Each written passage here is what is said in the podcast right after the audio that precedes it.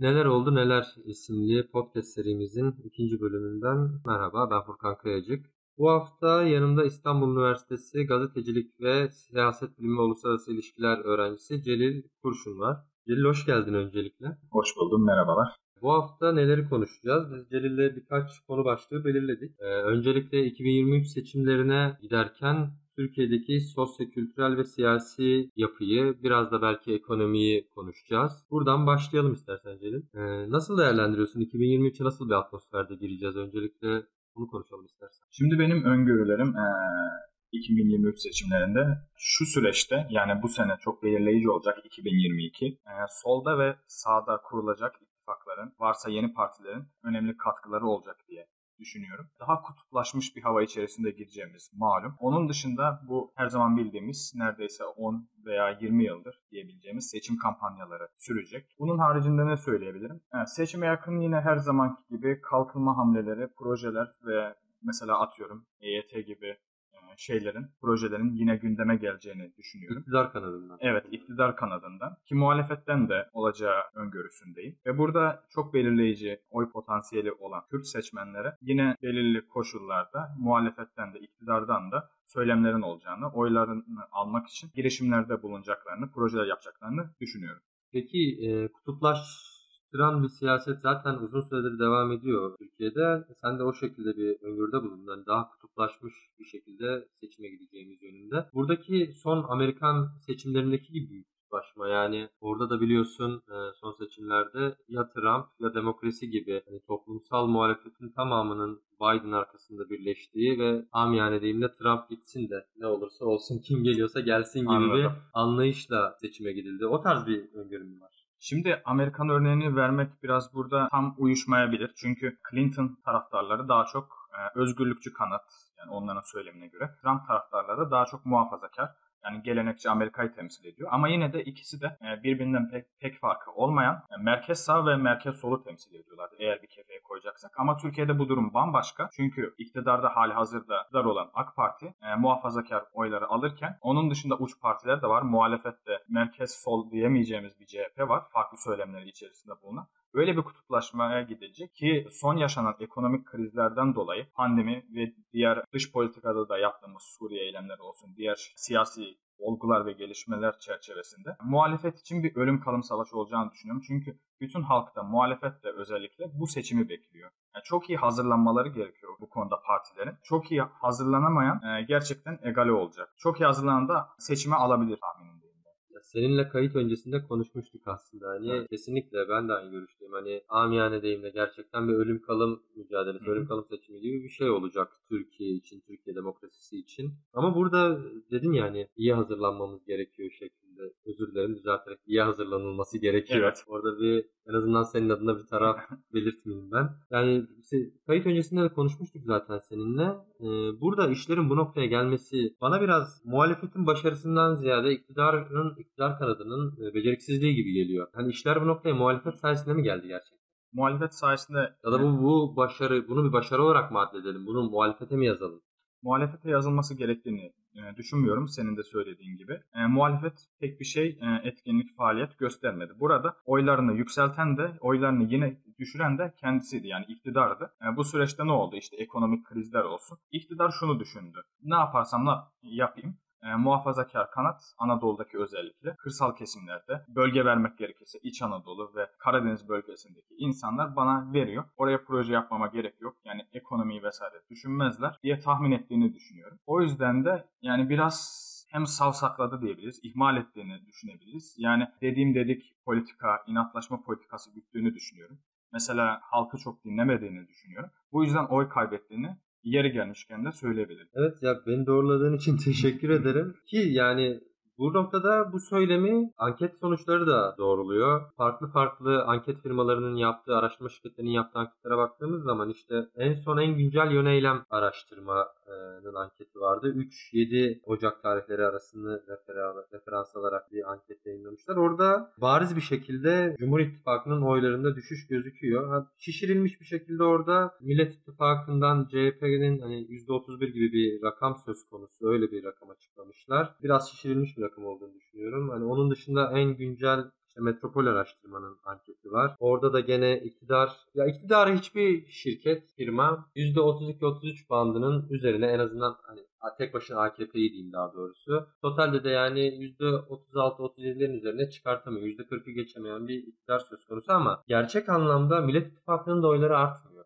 Yani ben benim okumam bu şekilde. Ciddi bir kararsız seçmen var. Kararsızlarda ciddi bir yığılma var. Bu kararsızların da büyük çoğunluğunu muhafazakar seçmen, AKP ve Cumhur İttifakı seçmeni oluşturuyor. İşte onunla ilgili gene Metropol'ün araştırması şu anki kararsızların %25'inin eskiden AKP'ye bir dönem oy vermiş, en az bir dönem oy vermiş isimlerden oluşturduğunu görüyoruz. Öyle bir açıklıyorlar ki ben bu rakamın daha yüksek olduğunu da düşünüyorum. Yani %25'te sınırlı değil bence bu. Zaten bu seçimde de kazananı gerçekten kararsızların oranın yani oyları belirleyecek. Bu konuda şunu söyleyebilirim. E, kararsızların durumu hakkında. Şimdi biz İstanbul'da yaşıyoruz. Bu kaydı İstanbul'da yapıyoruz.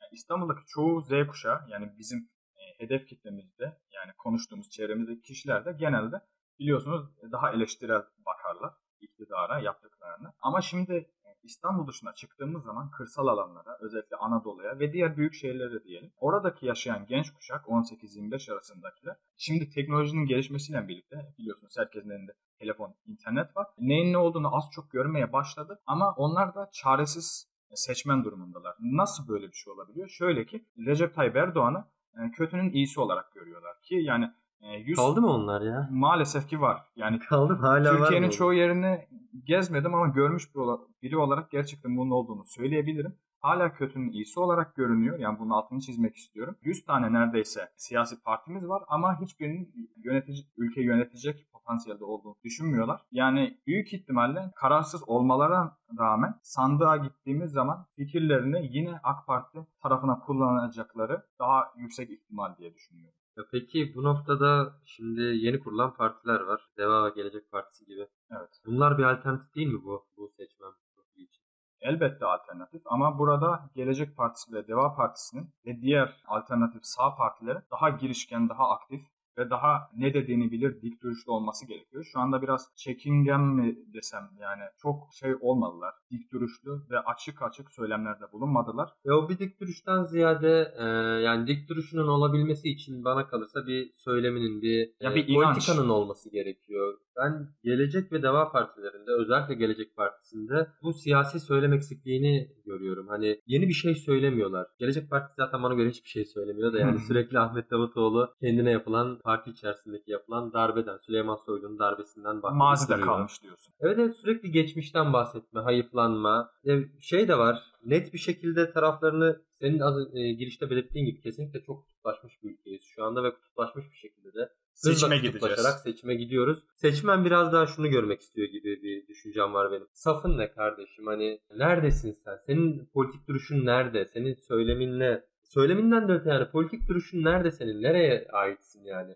Gelecek ve Deva Partileri ısrarla ya, ittifaklar seçim konusu. Seçimden önce seçim vakti gelsin konuşuruz diyorlar ama ben bunun da ciddi bir onlara oy kaybettirdiğini, en azından oy kaybettirmese bile gelebilecek potansiyel on, oyları bu şey oylara bu şekilde ket vurduğunu düşünüyorum Gelecek bir Deva Partisi'nin. Ben de o şekilde düşünüyorum. Ya abi ne kadar oldu kurulalı bu partiler? İki yıl oldu mu? İki yıl oldu evet. Yani Ahmet Davutoğlu'nun yüzde biri aştığını görmedim ben daha. Hani gören varsa e, bilgilendirsin beni lütfen. Yüzde biri hani alternatif alternatif diye yola çık. Kime alternatif? Doğu Perinçek'e mi alternatif? yani Yok e, Deva en fazla herhalde benim gördüğüm yüzde iki buçuğu zorladı herhalde. Yani 3 falan gördüm ya onu da hatırlamıyorum. Bu partiler gerçekten yola çıkarken AKP'yi bitirecek, AKP'den ciddi oy çalacak partiler olarak görülüyordu. Ama gerçekten bu misyonun çok gerisinde kaldılar.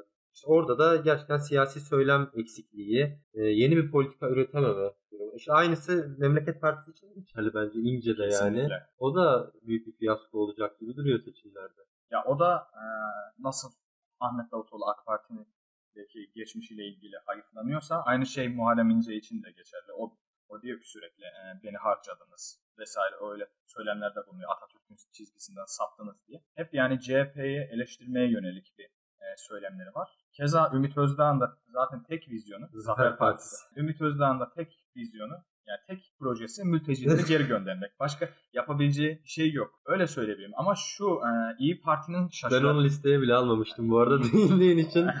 Doğaçlama gibi. İyi Parti'nin yükselişe geçeceğini düşünüyorum. Ki Türkiye burası. Her an ne olacağı belli değil. Yine ekonomide dalgalanmalar devam edebilir. Hiç yoktan yani Allah göstermesin diyelim de savaş gibi, Suriye'deki olaylardaki gibi yine bir çatışma olursa sıcak temaslar Yunanistan'la Doğu Akdeniz'de yine dış politikada gerginlikler olursa ve AK Parti de burada eğer bir gaf yaparsa veya halkın hoşuna gitmeyen söylemlerde bulunursa yine oy kaybettireceğini düşünüyorum. Oyunu arttırabilir. Ya, ee, AKP o tarz durumlarda genelde oyunu arttırarak evet, çıkar yani. kurtarabiliyor.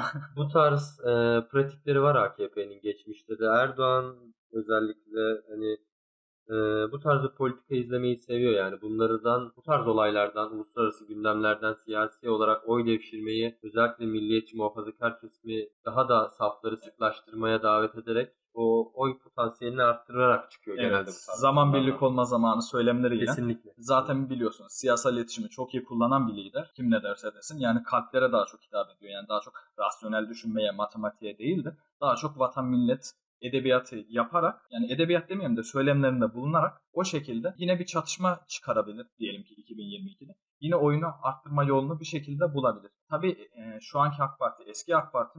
Orası da meçhul. Bu sene gösterecek. Bu sene çok kritik bir sene olacağını düşünüyorum. Açıkçası ben e, bunu başarabileceklerini düşünmüyorum artık. Hani böyle bir başarı elde edemeyecekler bence ama o yüzden çok açıkçası o kanadı konuşmayı da istemiyordum. Ama değindik güzel oldu yani. Böyle bir ihtimal de var yani. Yabana atılacak bir ihtimal de değil. Benim asıl merak ettiğim şu. Bu DEVA, Gelecek dedik. Bu tarz diğer partiler var toplumsal muhalefette. Ya günün sonunda ne olacak şimdi? Hepsi seçime bir Millet İttifakı ve Cumhur İttifakı ile mi gireceğiz? Yani bunlar da şimdi şu anki durumda DEVA'da, Gelecek'te parlamentoya dahi giremiyorlar. Evet. Ki Ahmet Davutoğlu ve Ali Babacan gibi geçmişte hükümetin de içerisinde yer almış önemli pozisyonlarda, kritik noktalarda görev almış isimlerin ben bu hezimeti kabulleneceklerini düşünmüyorum. En azından parlamento içerisinde yer almak isteyeceklerdir. Yeni kurulacak bir, yeni dizayn edilecek bir toplumsallık içerisinde söz hakkı isteyeceklerdir. Ne olacak? Bir Millet İttifakı olarak bütünlüklü bir ittifakla mı gidecek? Ya büyük ihtimalle devam ve geleceğin Millet İttifakı'na çaresiz bir şekilde katılacağını düşünüyorum ben. Alternatifleri yok diyorsun. Çünkü. Alternatifleri yok. Yoksa yani Doğu Perinçek gibi yerinde saymaya mahkum kalacaklar. Genel olarak 2023 seçimlerine bu şekilde bir atmosferle giriyoruz. Oldukça kutuplaşmış bir yapı ve giderek de kutuplaşan bir yapı var. Evet ikinci konumuz yeni yıla girme gir, girişimizle birlikte aslında dış politikada yani daha doğrusu Orta Asya'dan ciddi meseleler oldu. Kazakistan'daki olaylardan bahsediyorum. Ben açıkçası biraz daha mesafeli kaldım demeyeyim de çok bilgim olmayan bir nokta. Bunu seninle konuşmak istiyorum. Sen bir ara bu alan üzerine, e, Türk dünyası üzerine ve Orta Asya üzerine daha çok araştırman var, daha çok şey biliyorsun. Ne oluyor abi Kazakistan? Ne oldu daha doğrusu? Şu an artık olaylar duruldu bildiğimiz kadarıyla. Şimdi öncelikle e, Kazakistan'ı kısaca e, birkaç kelimeyle tanıtmak istiyorum. Biliyorsunuz e, Sovyetler zamanında e, Kazakistan bir Sovyet Cumhuriyeti'ydi. 1991'de Sovyetlerden ilk ayrılan, bağımsız olan cumhuriyetlerden birisiydi ve 1991'de ilk bağımsız olduğu dakikalarda Türkiye tanıdı. Yani o zamandan beri Kazakistan'la bir ilişkimiz var. Daha sonra kurucu babası diye nitelendirilen Kazakistan'ın yani Nursultan Nazarbayev Rusya ile Rus, yeni kurulan Rusya Federasyonu ile nükleer füzeler konusunda ayrışmazlığa düştü. Ama onun dışında genelde Rusya ile ılımlı bir ilişkisi vardı Kazakistan'ın. Şimdi Kazakistan bizim açımızdan önemi ne Türkiye açısından? Biliyorsunuz Türklerin, tabi burada tarih dersi söyleyecek değilim ama 2000 yıl, yıl önceden biliyorsunuz Orta Asya'dan gelen Türkler Anadolu'ya geldiği gibi orada kalanlar bugün Kazakistan ve Orta Asya kısımlarında da aynı antropolojik olarak aynı etnisite mensup insanlar. O yüzden hala şu anki şey Anadolu'da da yani Türkiye'de de hala onlara bir sempati var Kazaklara karşı. Onun dışında Kazakistan'da her ne kadar bozkır bir iklim olsa da yeraltı ve yerüstü zenginlikleri çok fazla. Bunların en başında gelen doğalgaz ve uranyum. Uranyum ne derseniz nükleer füzelerde atom bombasına falan kullanılan, kullanılan ana elementlerden birisi uranyum. O yüzden çok önemli. Rusya'nın da zaten sürekli elde etmek istediği şeylerden birisi. Şimdi bugün ne oluyor? Ha, buna geçmeden önce Kazakistan'da şu anda kültürel olarak ikiye bölünmüşlük var. Kuzey Kazakistan ve Güney Kazakistan diye. Kuzeyin en büyük kenti olan ve başkenti olan Astana daha çok Rusça konuşulan yani insanların da Rusya'ya sempatik baktığı bir halk kitlesi var. Ama güneyinde daha çok Türk İslam kültürüne entegrelenmiş, daha kendi kimliğini, benliğini yaşayan Kazak kültürünü yaşayan bir coğrafya var ve oranın da büyük kenti Almatı. Zaten protestolar da orada başladı Almatı kentinde. Burada senin eklemek istediğin bir şey var mı? Devam edelim. Yok aslında şey e, gördüm biraz ben. Sanırım Rusya içerisindeki de biraz daha milliyetçi Putin'e muhalif kanattan da mesela sanırım bu Kazakistan'ın kuzeyi için işte aynı Kırım'da olduğu gibi bir ilhak söylemi varmış sanırım. Evet Doğru o bu? kuşkular var. Genelde bunu Amerika ve NATO tarafı ve tabii Türkiye de bunu düşünüyor. Ama Türkiye tabii ki de Rusya ile arasını çok fazla bozmamak için, ekonomik ve siyasi olarak ilişkilerini bozmamak için çok net bir tavır almıyor. Rusya karşı hiçbir zaman da böyle bir tavır almadı. Çünkü en son biliyorsunuz bize ambargo uyguladıklarında yani turistler gelmedi hatırlıyorsunuz uçak krizi zamanında. Portakallarımız giremedi. Rusya'ya. Aynen. Aynen o, o sebepten dolayı. Şu an ne oluyor? Şu anki mevcut Cumhurbaşkanı Tokayev ve onun hükümeti, şu anda hükümet başkanı, eski hükümet başkanının yani başbakanın ismini unuttum. Ancak bir e, akaryakıta zam yaptığını duyurmuştu. Bundan dolayı halk protesto düzenlemişti. Polisin burada çok fazla güç kullanması, orantısız güç kullanması halkı daha çok tepkisini çekti ve daha önce gündeme gelmemiş problemler, Kazakistan'ın baş belası olan bir baş belası diyebileceğimiz rüşvet ve yolsuzluklar da bunun silsileye eklenerek halkın devletten daha doğrusu hükümetten bir hesap sorma süreci başladı diyebiliriz. Baya yani kanda döküldü baya 160'tan fazla ölü olduğu söyleniyor. Tabi Tokayev mevcut başbakanı görevinden aldı ve yeni bir başbakan atadı. Şu anda onun da Rus yanlısı olduğu söyleniyor.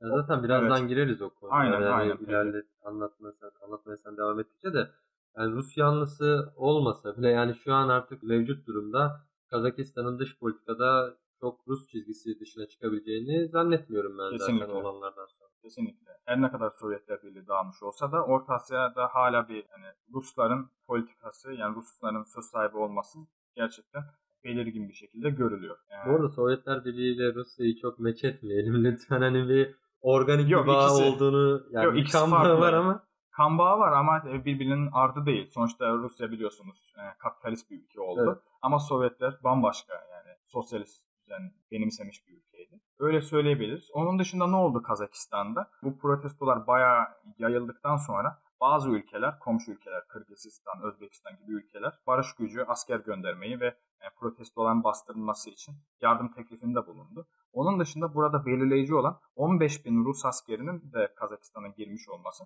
Bu e, bazı gazeteciler ve dünya kamuoyunda da diyebiliriz. E, yeni bir Rus işgali mi, Kırım'daki, Ukrayna'daki ve Gürcistan'daki gibi bir Rus işgali mi söz konusu söylemlerini gündeme peki getirdi. neden öyle oldu abi? Şimdi özür dilerim sözünü bölüyorum. Yok. Yakın zamanda Türkiye'de işte Türkiye'nin öncülüğünde bir Türk Devletleri Teşkilatı kurulmuştu. Evet, Türk Bahçeli yani çok iyi karşılamıştı bunu. Turan ordusundan falan Evet. bahsediliyordu. Ama Kazakistan, e, Türkiye'de mesela hani bu olaylar üzerine TBMM'de 4 tane parti, 4 yani AKP, MHP, İyi Parti ve CHP ortak bildiriyle Kazakistan hükümetine tam desteklerini ilan ettiler. Onun dışında işte senin söylediğin gibi diğer Türkiye Cumhuriyetlerden de destek açıklaması gelmiş. Neden bu teşkilattan değil de Rusya'nın öncülüğünü oluşturduğu bir tane teşkilat vardı. Neydi adı? Hatırlayamadım şimdi. NATO'nun alternatifi bir Rus Evet. teşkilatı vardı. Neden oradan yardım istendi? Neden Rusya çağrıldı? O dediğin örgüt Türk Konseyi'nden daha etkili ki Kazakistan orayı tercih etti ve oradan yardım istedi. Türk Konseyi şu anda sadece ekonomik ve ticari işbirlikleri üzerine kurdu. Öyle bir e, bir ordu kurması şu anlık bir düşünce yani bir varsayım. Böyle somut elle tutulur bir şey ordu kurdukları falan yok şu an. Böyle bir birleşme yok. Konfederasyon, Avrupa Birliği gibi bir şey yaptıkları da yok. Ama Rusya'nın da içinde bulunduğu o örgüt daha etkin. İçinde Kırgızistan, Tacikistan falan da var. Diğer Orta Asya ülkeleri de var. Onlar daha kendi arasında ilişki kuruyor. Yani Türkiye eğer madem daha çok yaklaşmak istiyor Kazakistan'a e, o örgütün içinde yer alabilir veya kendisinin önce olduğu Türk Konseyi'ni daha da geliştirebilir. Onların düzeyine çıkarabilir. Peki e, neden korktular? Rus işgali mi diye düşündüler. E, birincisi asker sayısı çok. ABD Kazakistan'ı Evet. uyardı hatta Ruslar girdikleri yerden çıkmaz diye. Evet Rusya'da karşılık verdi. Amerikalılar da Sanki çıkıyor. Aynen. Kesinlikle. Ya kimse kimseyi aklamasın sonuçta Afganistan, Vietnam. Ee, ya soğuk savaş döneminde kalsa da yine de e, o zamanın şartlarında böyle şeyler yapıldı. Yani iki tarafında eleştirilecek yanları var tabi. Rusya'nın da Amerika'nın da şu anki Rusya'nın da Çeçenistan'daki olayları biliyoruz. O şekilde devam ediyor. Yani Rusya'dan korkuyorlar. Yani büyük bir güç. e, dünyadaki en büyük ikinci askeri güç olduğunu ve tekrar e, yine bir işgal girişimi mi olacak? Ki Putin'in de yeni bir Sovyetler kuracağını falan düşünmüyorum. Çünkü biliyorsunuz şu anki Rusya Federasyonu kapitalist. Ama e, elbette Putin eski Sovyetlerin haşmetini, öyle söyleyeyim kudretini, yani dünya süper gücü olmasını tekrar istediğini düşünüyorum. Yani Amerikan süper gücü e, tek kutuplu olmasından ziyade kendisi de tekrar eski gücüne kavuşmasını istediğini düşünüyorum. Ve tabi yeraltı yerüstü zenginliklerine de el koyar mı koymaz mı orası da meçhul. Önümüzdeki gelişmelere bakacağız. E, son söylediğine ben de katılıyorum. Hani Rusya'nın bir yayılmacı politikası var. Amerika'nın da özellikle ekonomik gerekçelerle e, kendi içine çekilmesini biraz fırsat bildi diyebilir miyiz bu dönemde? Yani yanlış olur mu öyle desek? Afganistan'dan çıktı Trump'la beraber başlayan bu e, geri çekilme politikası etkili mi bu sence Rusya'nın bu ilerleyişinde, yayılmacı politikalarında? Bence etkili Amer ama Amerika e, her yerden bu kadar kolay çekilmedi tabii. Afganistan'dan çekildi ama Türkiye gibi alternatifleri sundu. Yine bir uydu devleti olarak Türkiye'ye teklif götürdü Afganistan'da sen kal diye. Suriye'den de tam çekildiği söylenemez. Belki asker sayısını azalttı Irak'ta olduğu gibi. Ama her zaman Amerika'nın varlığı Orta Doğu'da çok hissedilir derecede. En somut örneği de İsrail. Amerika başlı başına ayrı bir vaka, bir konu zaten de. Peki abi Kazakistan'da şu an son durum ne? Hani nasıl bir ortam söz konusu? Yeni bir hükümet atandı mı? İşte ben çok takip edemedim. İşte e, ilk akaryakıt zammı sırasında ilk protestolarda Tokayev başbakanı görevinden aldı yeni bir başbakan getirdi. Şu anda ismini unuttum ama yeni bir hükümet ve kabine getirdi. Tabii onunla da halk teskin edilmedi, yatıştırılmadı. Devam ediyor ama o ilk günlerdeki gibi kanlı eylemlerin olduğunu e, şu anda görmüyoruz. Arada sırada yani küçük çaplı çatışmalar devam ediyordur. Ama bütün Kazakistan'da yayıldığını da söyleyemeyiz. En büyük ikinci kent olan Almatı'da yoğunluk kazanıyor. Diğer kırsal kesimlerde, köylerde veya küçük şehirlerde bu isyanın o kadar büyümediğini söyleyebiliriz. Benim Kazakistan konusunda aslında dile getirmek istediğim biraz Türkiye üzerinden baktığımız zaman biliyorsun şu anda da sokağı sokağa çıkmayı demokratik bir hak olan eylem ve protesto hakkını terörize eden bir iktidar ve bunu onaylayan, tasdik eden bir muhalefet söz konusu. Ben ilk podcastimde de birinci bölümde geçtiğimiz hafta bundan bahsetmiştim. Yine aynı muhalefet burada da ortak bildiriyle bu tür söylemini tekrar onayladı, kendini onayladı. Kazakistan hükümetinden de e, şöyle şeyler gelmiş. İşte bizdekine benzer olarak dış güçler e, oyunları tarzında. Yani neden halkın bir şeyi protesto etmesi bu kadar terörle özdeşleştiriliyor? Yani halk illa sivil itaatsiz bir şekilde mi eylem yapmalı? Ki orada da şiddet kullanan polis olmuştu ilk başta. Polisin yoğun şiddet, orantısız şiddeti üzerine eylemler daha da büyüdü Kazakistan'da. Neden halkın memnuniyetsizliğini dile getirmesi, bunun üzerine eylem yapması bu kadar terörize ediliyor, terörle özdeş kılınıyor? Ya modern e, demokrasilerde bu aslında e, normal bir şeydir. Yani halkın izinsiz bir şekilde gösteri yapıp hakkını araması ve olaysız bir şekilde dağılması gayet normal bir hal, haktır. Ama gel gelelim e, Orta Doğu ve Orta Asya özelinde şu anda ülkeler yeni kuruldu. Yani yeni dedim aslında 30 yıllık ama gerçekten yani demokratikleşmede çok büyük eksiklikleri var.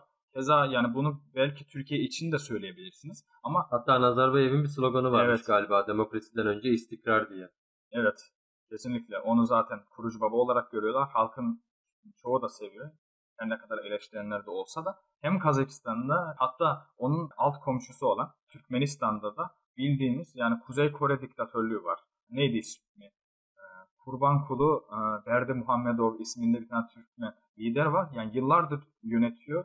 20-25 seneyi doldurdu sanırsam. Yani Orta Asya'daki yeni kurulan, Sovyetlerden ayrılan bu Orta Asya Türk Cumhuriyetlerinde hala bir demokrasi eksikliği var. Hala çoğu diktatörlükle veya diktatörlük demeyeyim de demokratik diktatörlük mü ne deniyorsa artık ona öyle devam ettiklerini ve böyle hak aramalara alışkın olmadıklarını en, en ufak bir hak arayışında gördüklerinde bunun dış güçlerin oyunu olduğunu, e, terörist eylem olduğunu düşünüyorlar. Şimdi burada Amerika'yı veya Avrupa'yı övmek niyetinde değilim ama şimdi şöyle düşünün. E, ben 22, 22 yaşına gireceğim. Ee, ben doğduğumdan beri kendimi bildim bileli hep AK Parti ve Recep Tayyip Erdoğan'ın iktidarı vardı. Ya başbakandı ya cumhurbaşkanıydı. Yani bir şeydi ama. Şu anda başkan diyelim ki. Ama e, görüyorum ki Almanya'da ve Amerika'da defalarca başkan değişti, şansölye değişti ama Türkiye'de hiç böyle olmadı. Yani biraz da monotonlaşıyor yani. Sürekli aynı liderle yöneten insanlar artık demokrasisi köreliyor. Bildiğimiz George Orwell'ın 1984 romanındaki gibi yenilik artık suç sayılıyor öyle söyleyeyim. Ya peki son süremizi de bayağı açtık aslında planladığımız süreyi.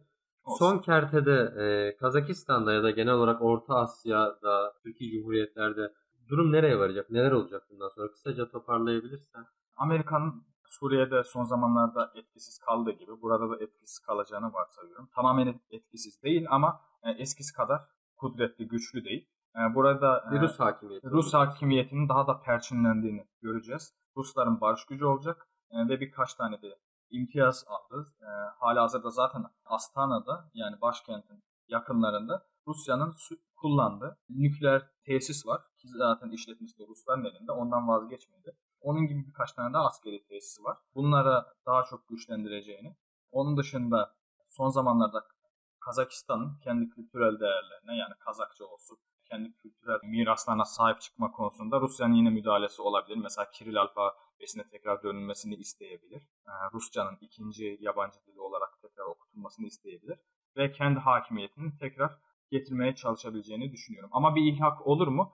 Ee, bunu belki Ukrayna için söyleyebiliriz. Mesela İngiltere'de son zamanlarda öyle bir haber çıkmıştı BBC'de. Rusya'nın e, Ukrayna'ya her an girebileceği alarmını vermişti. Ama Kazakistan'a ne zaman girer onu bilemiyoruz. Onun için daha var. Günün sonunda kazanan Rusya oldu diyorsun. Evet. Amerika etkisiz kaldı. Rusya orada hala hakim. Türkiye'de kendi payına düşeni e, eski tarihi bağlarını kullanmaya çalışıyor Orta Asya'da ama e, bir Rusya kadar değil tabii ki de. Tamamdır. Bir üçüncü konumuz daha vardı aslında. Kısaca ona da değinebiliriz. Çok kısa istersen. Ee, ekonomi özelinde bu ben ilk bölümde değinmiştim aslında biraz. Döviz korumalı adını öğrendim bu arada. İlk bölümde değil yani bir türlü karıştırmıştım. Kolay isimler bulsalar şuna da şunlara daha iyi olur yani. Ya.